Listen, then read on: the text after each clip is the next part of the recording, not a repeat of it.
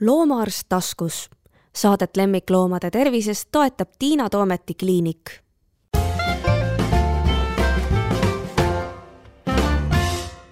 tere, kuulate järjekordset podcasti Loomaarst taskus, mina olen Tiina Toomet ja minu vastas istub loomaarst Katrin Mägi, tere! tere! Katriniga on meil täna selline teema, meil on pidulik pealkiri kliiniline söötmine aga enne, kui me sellest lähemalt rääkima hakkame, siis ma tuletan jälle meelde natuke minevikku, kui mina oma loomaarsti praksist alustasin kolmkümmend pluss aastaid tagasi, siis oli meil ravimitega väga kehvasti.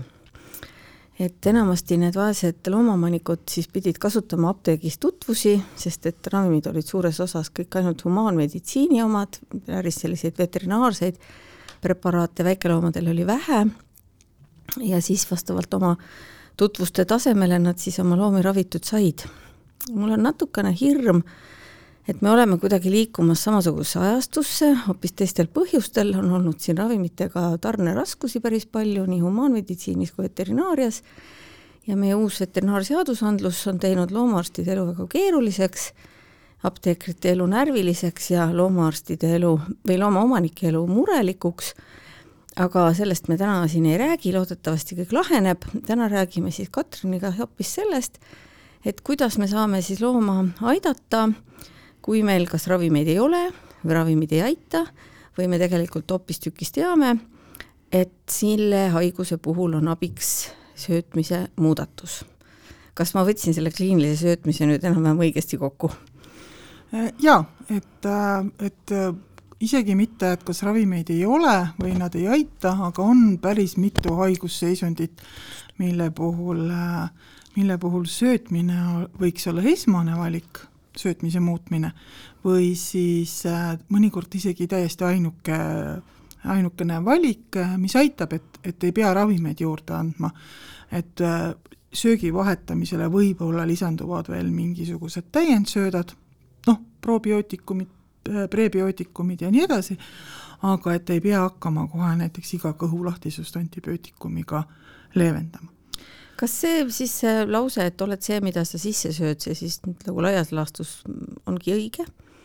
ja ma arvan küll, et laias laastus kindlasti, et, et me rääkisime äh, möödunud aastal me rääkisime tavalist, äh, tavatoitmisest, äh, kassi ja koerte omadest ja ja põgusalt äkki puudutasime seda ülekaalu teemat ka, kui ma mäletan. ülekaalust peab alati rääkima. just, ja, ja, ja noh, seal on tõesti see, et see on nagu mm, suures osas ikkagi on äh, suust sisse läinud haigus.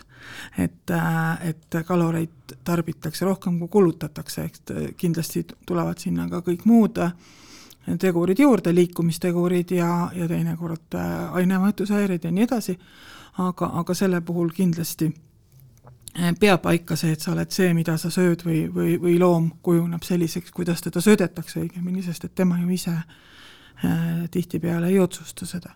no ülekaalust me võib-olla täna siis ei räägi, ehkki sealt muidugi oleks juttu väga pikaks ajaks, äh, sest tõesti see ülekaaluga kaasnevad nii palju erinevaid haigusseisundeid, et et nende loetleminegi isegi praegu siin läheks nagu liiale, aga mis on veel siis sellised haigused, mille puhul me võiksime kahtlustada et omanik on nii-öelda süüdi just selles, et ta on selle, sellele loomale selle haiguse või selle haiguse eelsoodumuse sisse söötnud? esimene, mis mulle pähe tuleb, on äh, tegelikult sellised ägedad kõhulahtisused, millel äh, ja ka kõhukinnisus, mille ütleme, arsti juurde tulles ikkagi preva-, prevaleerub esmane põhjus on see, et valesti on midagi söötmisega läinud. et mulle mm, väga meeldiks see, et ükskõik, mis haigusega loom äh, vastuvõtule tuleb, et äh, sellise ülevaatuse hulka, et äh, me mõõdame seal kehatemperatuuri, kuulame kopse ja ja katsume teda ja vaatame, et väliselt oleks kõik korras, et sinna selle ülevaatuse juurde alati käiks ka söötmise hindamine, mida ta on varem söönud, mida ta enne seda sõi, kui ta haigestus, osade haiguste puhul, et noh, kui jah, tuleb auto alla jäänud loom, siis me muidugi ei küsi, mis ta enne seda sõi aga et, ähm, ja, ja vaatame, et kas me saame midagi siis söötmisega muuta mm. -hmm. et see võib olla minu subjektiivne unem, unelm, sest et sina ütlesid, et sa oled kolmkümmend pluss aastat tegelenud loomadega, mina arvutasin suure ehmatusega, et mul hakkab kakskümmend aastat täis saama sellest, kui ma olen nagu sügavamalt äh, selle söötmise teemaga tegelenud. ja ma tõesti tahan, et see oleks nagu Äh, peas kinni, sest et noh, nagu ma selle kõhuhädade kohta ütlesin, et ägeda kõhulahtisuse korral tõesti. No see on esimene, esimene asi. ja, ja teinekord kõhukinnisuse puhul ka mhm. ikkagi.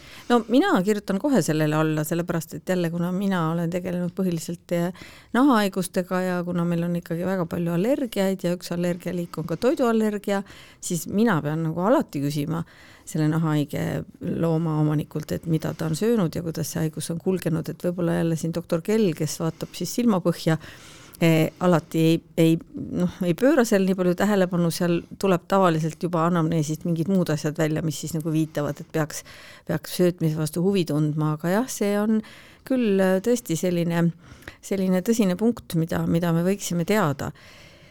Ehkki mulle tundub küll, et, et võib-olla on see subjektiivne, et inimesed siiski söödavad suhteliselt ähm, kuidas ma ütlen, okeilt oma loomi, et nad on tavaliselt leidnud omale mingisuguse brändi ja sellist igasugust nipet-näpet antakse juurde vähem, äh, oma loomingut on võib-olla vähem, aga see võib olla ka tingitud sellest, et see on lihtsalt see klientuur, keda mina näen, ma ei tea, kuidas sina ütled? Äh, minul on ka arvamus ja, ja rõõm tõdeda, et asi läheb järjest paremaks.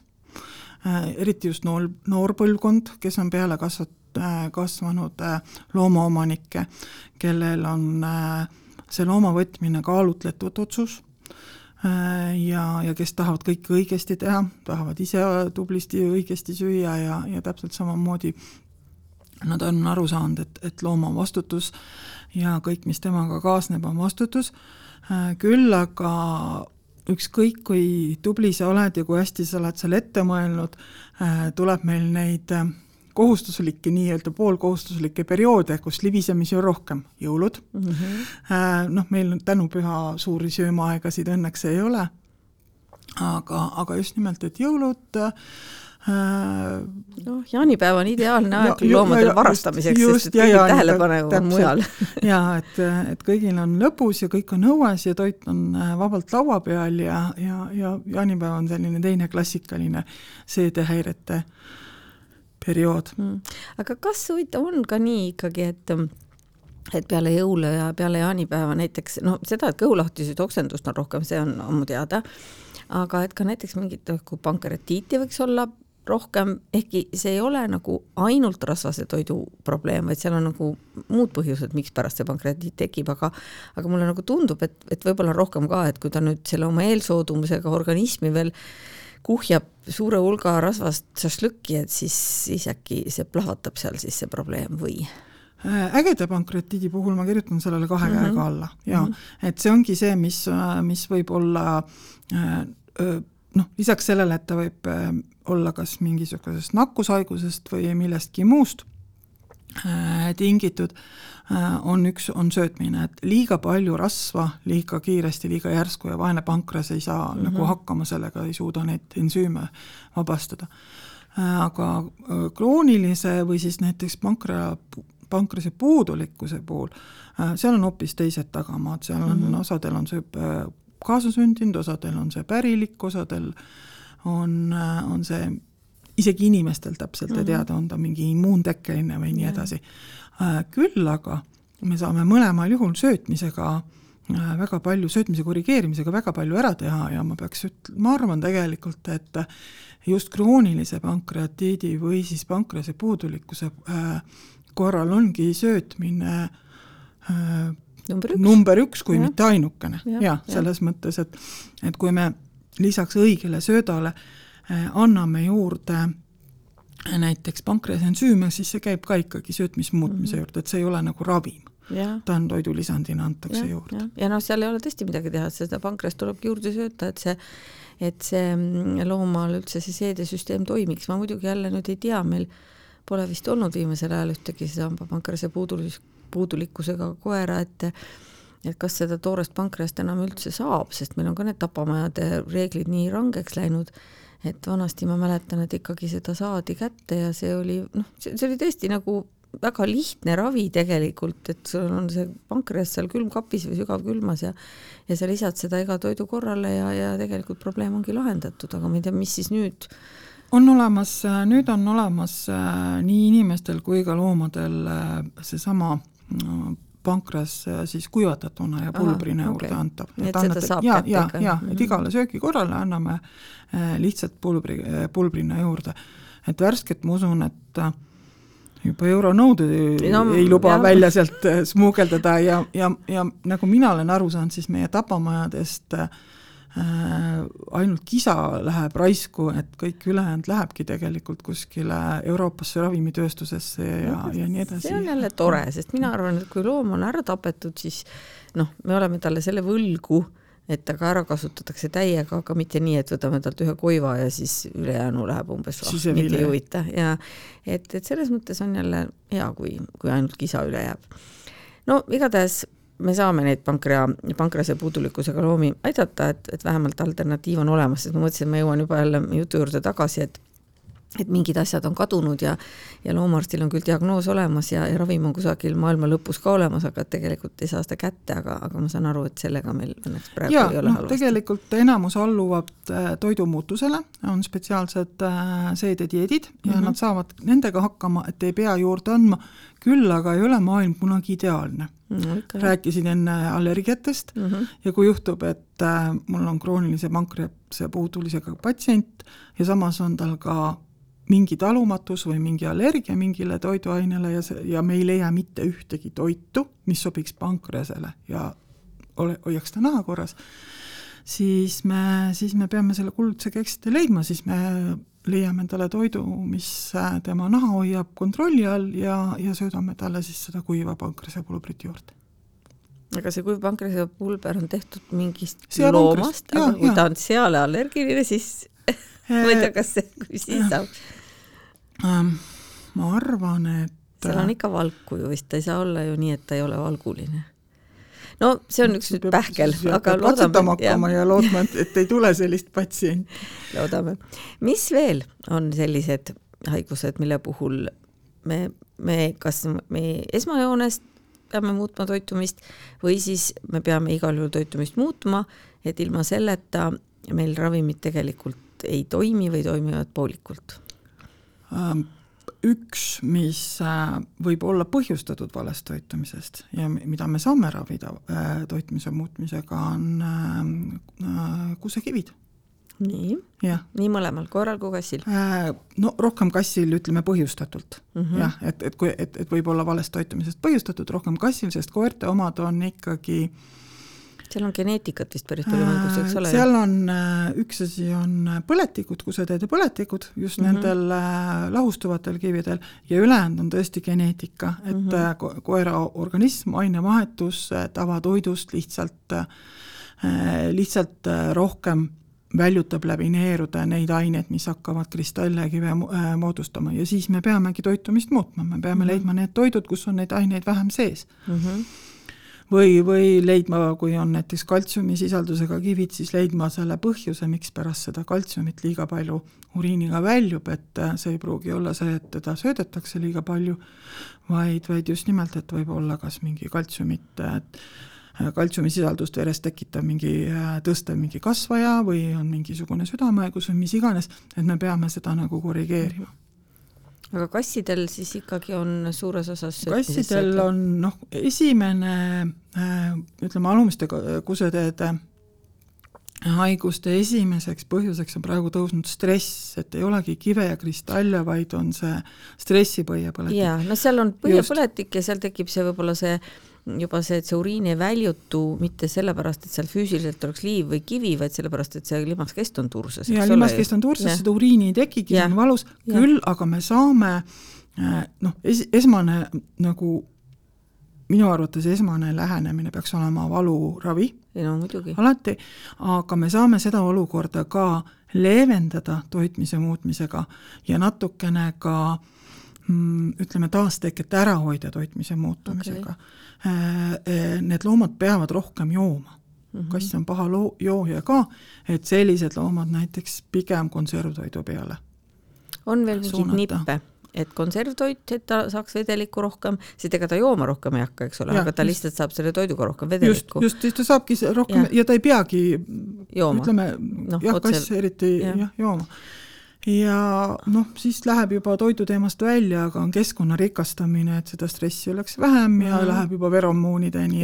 aga ma mõtlen joomist, kuidas, et, et seal on kunagi olid mingid õpetused, et panna natuke puljongit näiteks äh, ja see, vette ja mis seal no, esma, voolav vesi ja esmane on see, et tagada, et kassil oleks alati veele juurdepääs mm. -hmm. ehk siis ei oleks vesi ühes kohas mm -hmm. ainult, vaid oleks äh, tal juurdepääs mitmes kohas. kui teie kass on selline, kes armastab teie tassist joomas käia, siis pange talle oma tass äh, või andke oma, andke see tass talle, mis talle meeldib. kassiga ei saa mingeid läbirääkimisi pidada. Äh, kui meeldib äh, lillevaasist jamas käia, siis, siis peab seal lillevaasis olema mittemürgise plast, mittemürgisest plastist lilled edaspidi, mitte tulp mm -hmm. ega närtsis mm. -hmm. kindlasti ei soovitata kassi joogivett panna otse toidu kõrvale, et -hmm. kass tahaks, et neil oleks vähemalt poolemeetrine vahe vesi, et oleks värske, et kausid oleks iga päev puhastatud ja pestud, et ei tekiks seda limakihti sinna mm, -hmm. biokilet. aga jah, et äh, kassipurskkaevud võivad olla üks lahendus nendele, kes voolavad, vett tahavad. osad kassid armastavad kraanist juua, aga me ei saa noh, ainult siis äh, esiteks meid ei ole kodus kogu mm -hmm. aeg ja, ja me ei saa öö, äh, olla tema siis selle jootmisteenindajad ka, et kogu aeg seda kraani kinni lahti mm -hmm. teha et, et jah, et siis konservid, siis teha tõesti siis äh, lemmikmaitsega äh, konservist sellist puljangi moodi jääkruu-, jääkuubikuid mm -hmm. ja panna seda vette, aga, aga seal siis tuleb ka vaadata, et see vesi seisma ei jääks ja see asi pahaks ei läheks no. aga siis, kui neil need kivid nüüd, eks ole, ikkagi on tekkinud, et siis me ju ka igal juhul peame äh, noh, ka kassidel võib ju ka erinevaid olla ja osad ongi sellised, mis vist ka ei lahustu, aga, aga üldiselt on ikkagi see, et mida me saame toiduga siis ja, lahendada, kui me just... oleme esmaprobleemi lahendanud, ehk siis ei ole valu, ei ole, tal ei ole see uriin nagu kinni, vaid et see ikkagi pääseb välja aga siis saame hakata siis toiduga mängima, kaua see võiks aega võtta, kuni me ära lahustame selle kivi sealt siis? kui meil on lahustavad kivid mm -hmm. ja me siis äh, kive lahustavat toitu, mis, mis tähendab tegelikult seda, et, äh, et see toit põhjustab äh, sellise happesusega või sellise pH-ga uriinitekke, mis on, mis lahustab neid kristalle ja kive ja on ebasoodus uute tekkimiseks seda toitu lahustavate kivide puhul me peame söötma minimaalselt äh, kaks-kolm nädalat, nad on tegelikult päris tõhusad, aga tuleb vaadata, et sinna midagi muid hapustavaid lisandeid, kui, kui kass sööb seda toitu juurde ei annaks, et üle ei hapustaks, sest siis meil tekivad oht jälle teiste kivide. Kes armastavad jälle seda happelist ja uriini, kes armastavad happelist uriini ja, ja kes äh, ja mis on lahustumatud mm. -hmm. jälle. Teistpidi võime häda tekitada, et see balansi leidmine on üsna raske, et seal tuleb alguses silma peal hoida sellel söötmisel päris kenasti. see tähendab seda, et seal peab olema ikkagi nagu pidev loomaarsti kontroll, eks ole ju? jaa, alguses kindlasti mm -hmm. ja, ja siis, kui me ütleme, on sellises remissiooniperioodis, profülaktilised toidud on siis sellised, mida saab pikaajaliselt sööta aga ikka vist peaks kontrollima vahepeal? jaa, kindlasti, kindlasti.. kas või vähemalt selle uriini pH-d, kui mitte ja, midagi muud. jaa, et mm mitte oodata jälle, kui kassil on ebamugav, sellepärast et siis me peame alustama jälle võib-olla uuesti mm, ka ravimite ja kõige muuga, äh, vaid, vaid vähemalt iga kuue kuu tagant peaks käima äh, kontrollis. jah, kontrollis selliste loomadega. meil on olnud juhtumeid kliinikus, kus inimene tuleb ähm, just kassile ostma siis seda seda kusetäiete kivide toitu. Ja, ja noh, nii, nii seda esmast, mis lahustab, kui seda teist, mis nagu nii-öelda alal hoiab. Ja, ja mina ikkagi ähm, tavaliselt küsin, kui ma satun selle inimesega vestlema, et millal see diagnoos on pandud ja kas te olete kontrollis käinud. Ja siis on olnud hästi palju juhtumeid, et nad ei ole üldse nagu meie kliiniku patsiendid olnud, et nad on käinud kunagi ammu kusagil mujal ja et nad söödavad seda toitu juba ei tea kui kaua ja siis mul alati tekib see väike hirm ja ma ütlen, et kuulge, et äkki te peaks oma arstiga ikka konsulteerima, et just see, et, et noh, nad lähevad sinna teise äärmusesse ja saavadki siis selle happelise uriini ja ja on pärast hädas hoopis nende, nende veel hullemate kividega, nii et, et, et ilmselt peab nii mõlemal juhul, noh, eriti selle toiduga, mis on siis see nii-öelda kangem versioon, aga ka selle teisega ikkagi siis, nagu sa ütled, mingi poole aasta tagant vähemalt siis ikka loomaarsti konsulteerima, eks ole ju? kindlasti sellepärast, et äh, üks põhjus on see, et ka läbi kassi eluea see eelsoodumus ühe või teise äh, liiginede kusekivide tekkeks muutub mm. -hmm. et kui ta äh,, kui ta mingi vanusena on ühele rohkem äh, nagu äh, eelsoodumustekkele, siis mingist vanusest võib hoopis teistpidi. Äh, ja eakad kassid, kui me nüüd jõuame järgmise teemani, eakatel kassidel äh, üsna suurel osal on probleem neerudega mm. -hmm. ja sellise hapustava toidu pikaajalisel söötmisel me tegelikult võime neid neere kurnata. et äh, sel juhul see ei sobi neile või nad peaksid saama siis mingit toetust veel neerudele juurde. et kui, kui kividel oht jääb. ja selle kroonilise neerupuudulikkusega ka ju, ega me väga palju midagi teha ei saa peale toidu muutmise, eks ole, jälle see, et loom peab hästi palju jooma, meil on seal mingeid toidulisandeid, mis natukene siis võib-olla turgutavad seda neeruseisundit, aga aga me ju ei saa, meil ei ole mingit imerohtu, millega me seda, seda neeru nii-öelda terveks saame vist, et meil on ikkagi toit on kõige põhilisem, eks ole ju. toit ja toidulisandid ongi põhiline, mis aitab nagu, ta ei taasta seda neeru mm, -hmm. sest see neer, kui kassil on juba neeruhaiguse, ütleme kroonilise neeruhaiguse mm -hmm tunnused siis seitsekümmend, seitsekümmend viis protsenti neerukohast on kahjustunud. Mm -hmm. pöördumatult ja me seda tagasi ei saa, meie ülesanne on seda kahtekümmend viit protsenti toetada, äh, võimalikult aeglustada seda protsessi ja teha kassi elu võimalikult palju mugavamaks. ja nii nende toitude, mis on sellise spetsiaalse profiiliga, kui ka nende toidulisandite või söödalisandite ülesanded ongi üks ja sama, need toidud tegelikult ise sisaldavad ka neid aineid, aineid, mida lisanditena juurde annavad, ehk siis on, on sellised ained nii toidus sees kui eraldi antavad, mis fosfori seovad, et see ei kurnaks neerusid, mis tagavad selle, et lämmastiku ainevahetusjäägid, uur ja kusihape, et, et see ei väljuks läbi neerude, vaid pigem seotaks sooles ja väljutatakse läbi soole. Ja, ja täpselt täpselt sellega me seda neerusid äh, nagu äh, säästa saamegi. Mm.. ja, ja noh, hästi kurb on selle neeruhaiguse juures see, et kui me saaksime selle kassi kätte äh, esimeses või teises staadiumis neljast, noh neid nagu jaotatakse nelja staadiumisse, siis me saaksime söötmisega, õige söötmisega, söötmise muutmisega hoida ära äh, selle süvenemise aastateks, aastateks, päris väga pikaks ajaks mm. -hmm aga kui meile tuleb siis loom äh, nagu juba murega, et joob palju, pissib palju, on kõhnaks jäänud ja nii edasi, siis on ta kolmandas või neljanda staadiumi alguses ja siis me enam mitte midagi nende neerudega teha ei saa, et siis me saame ainult leevendada. See on muidugi hirmus raske, sellepärast et see kass on ju meistervarjaja oma haiguse ja, ja ega see isegi kui oleks nagu ülikorralik ja teeks siis oma kassile äh, iga aasta näiteks noh, vereanalüüsi, et vaataks tema neerufunktsiooni, siis ega ka ju tegelikult seal veres hakkab see ka avalduma ikkagi mitte kohe.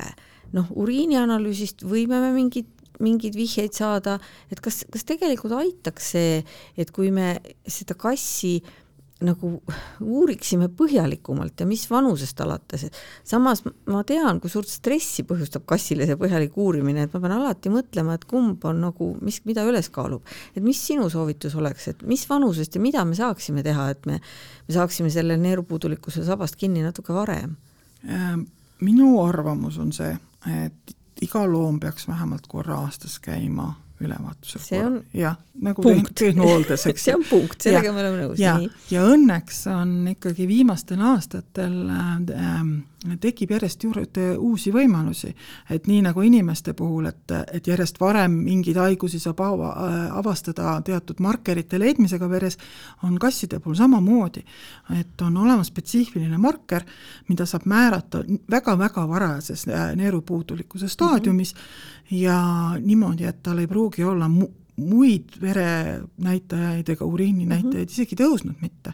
ja, ja selle silm peal hoida, ütleme siis alates kuuendast eluaastast äh, vähemalt korra aastas mm -hmm. ja, ja kassid on meil üsna pikaealised, et ma soovitaks seal üheksandast, kaheksandast, üheksandast eluaastast võib-olla isegi kaks korda aastas. ehk siis on äh, tavalise vereprooviga? jah, täiesti mm -hmm. tavalise ja. vereprooviga, jah, noh, kassi jaoks ei ole ükski asi tavaline, aga noh, jaa, see ongi nii, et aga et selle no, jaoks ei ole vaja palju. jah, jah, et kui see kass vähegi nagu kooperatiivne ja koostööaldis on, et siis saab selle vere kätte, et noh, muidugi on selliseid tüüpe, kellele tuleb anesteesia teha et saada vereproovi ja siis pead hakkama nagu kaaluma, et kas kaks korda aastas vanale kassile anesteesiat teha selleks, et verd saada, noh, see ongi täpselt see, et, et mis on. siis läheb käiku see mm. õpetaja Lauri see, et teeme pool rehkendust, teeme hästi, et korra aastas võiks yeah. ikkagi selle üle vaadata. ja, ja seda siis peaks oskama loomaarstid soovitada ja loomaomanikud nõuda, eks ole, sest just. kui see on suhteliselt uus asi, siis see ei ole üldse nagu.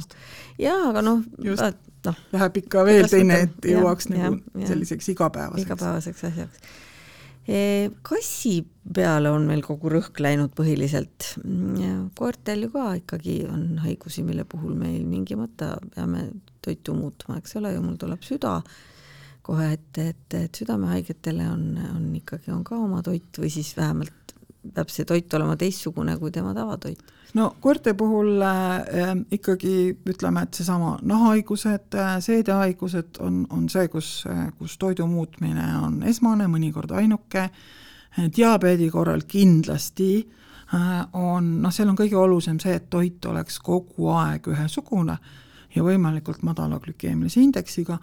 Äh,, ülekaalu puhul, mida me ei räägi, neeruhaiguste puhul neil täpselt samamoodi. mm, -hmm aga siis on, äh, siis jäävad südamehaigused, maksahaigused, kus me eriti südamehaiguste puhul me toiduga ravida ei saa, me saame ainult toetada, et noh, täpselt nagu inimestel, et soola peab vähem olema ja ja neid vitamiine, mida äh, ütleme, uriiniga väljutatakse, ehk siis vees lahustada vitamiine pigem siis rohkem B-rühm ja, ja äh, C-vitamiini sisse et äh, me saame ainult toetada, et, et südamehaiguste puhul ikkagi lähevad ravimid peale ja toiduga me toetame mm. -hmm. maksa puhul samamoodi, et pigem siis ravimid äh, ja äh, õige profiiliga toit. aga üks, mis mulle praegu veel meelde tuli, et me räägime, et on suust sisse läinud ja suust sisse läinud, et hambad mm. -hmm. ja et, et seesama hambakivi, mis, mis tekib siis, kui kui tekib hammastele katt ja see, see jääb sinna, seda ära ei pesta ega ei pühita ja hakkab kivistama, tekitab igemepõletikku ja lõpeb sellega, et loomad võivad hammastest ilma jääda. siis selle profülaktikaks tegelikult me saame ka toidust abi. et oluline on, et loom siis saaks närida et, äh, et ei kugistaks. anname konti, siis tuleb kohe. ja, ja just, ja siis meil on kõhu. tegin nalja, palun vabandust. kõhukinnises. et kas on spetsiaalsed sellised närimis äh, noh, kas pulgad või, või, või sellised äh, erinevad natukene abrassiivsed, et, et ta puhastab ka on äh, erinevaid selliseid kongi, kong äh, seal sarjas on sellised hambaharja, kummist mm -hmm. nii-öelda hambaharja moodi, et me paneme sinna midagi sisse ja samas siis ta seal lätsutab ja, ja puhastab seda mm -hmm. hammast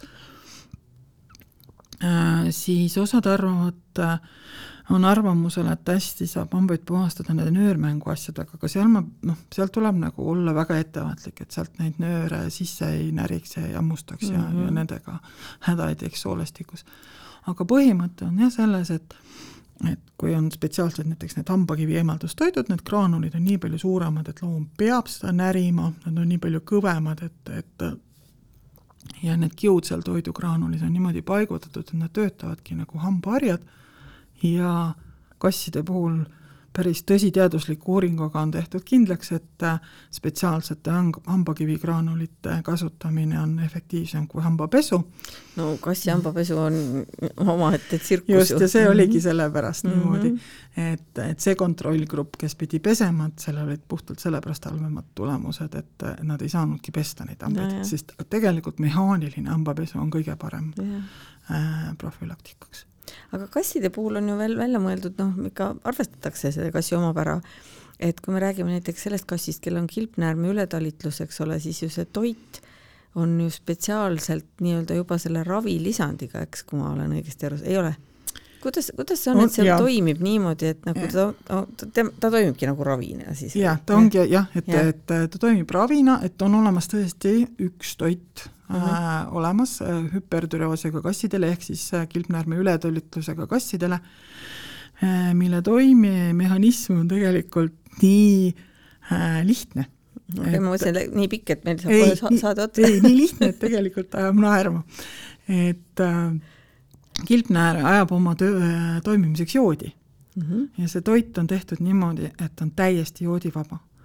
teda tehakse niimoodi, et see üks kord aastas tehases kogu see süsteem puhastatakse ära, et seal ei oleks mingit ristsaatumist äh, ja, ja täiesti joodivabalt ja mis tähendab, et kui me keerame joodikraani kinni, siis ei ole kilpnäärmel ka millestki seda üleriigset hormooni äh, teha. see on ja. oma lihtsuses täiesti geniaalne. just, just, aga joodi on igapäevases elus no, vaja teistel loomadel mm et, et sellepärast aga ei saa me kõiki toite joodi seal ongi siis sellised kassid, kes ei peagi võtma siis seda kilpnäärme ja, ja. seda rohtu, vaid saavadki hakkama selle toiduga. jah, et kuna meil Super seda ju. kiiritusvõimalust ei ole mm, -hmm. äh, seda kiiritusravi võimalust äh, Äh, siis on operatiivne, eks ju, kirurgiline mm. -hmm. no siis ta on jälle täitsa ilma sellest kilpnäärme hormoonist ja mis on ja, natuke te, jah, tegelikult arvestades, et nad saavad seda vanemas eas tihti selle, selle hädaga külge, see ei olegi probleem, aga seal on operatsioonil, operatsioon ise on raske mm, -hmm. kilpnäärme ja kõrvalkilpnäärmed on väga tihedalt seotud mm -hmm. ja kui me kõrvalkilpnäärmed eemaldame, vaat siis me oleme hädas, sellepärast et siis on kaltsiumi ainevahetus täiesti Äh, täiesti tuksis, ehk siis äh, need kassid peaksid siis hakkama peotäie kaupa kaltsiumit iga päev juurde mm. saama. et äh, ja siis on ra-, äh, tabletiravi mm, -hmm. aga kassile no. tableti igapäevane andmine ei ole üldse tore asi. ja teine asi, et sellel tabletil on äh, tihti ka kõrvalmõjud mm, -hmm. mis, mis ei so-, mille pärast ei sobi.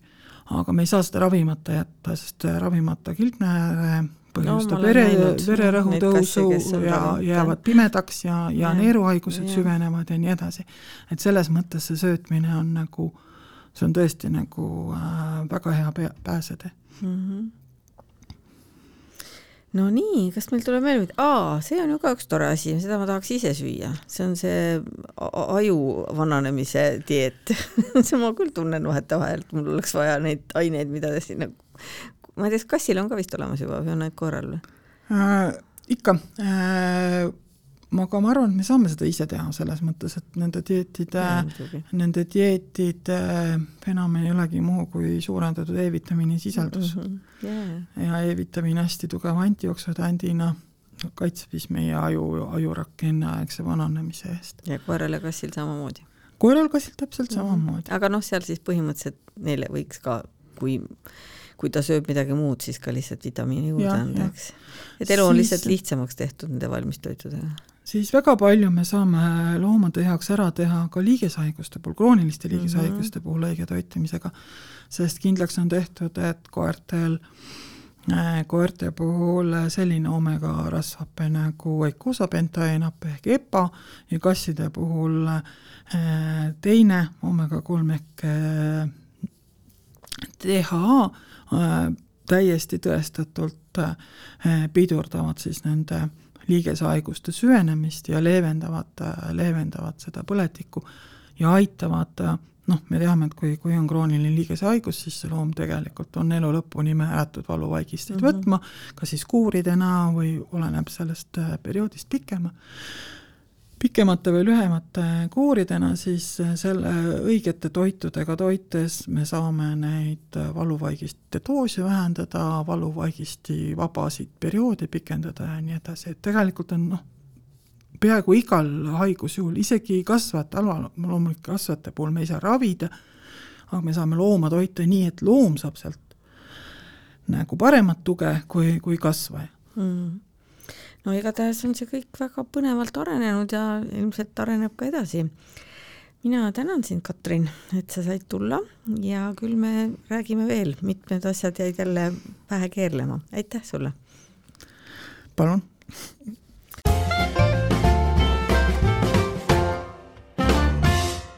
loomaarst taskus. Saadet lemmikloomade tervisest toetab Tiina Toometi kliinik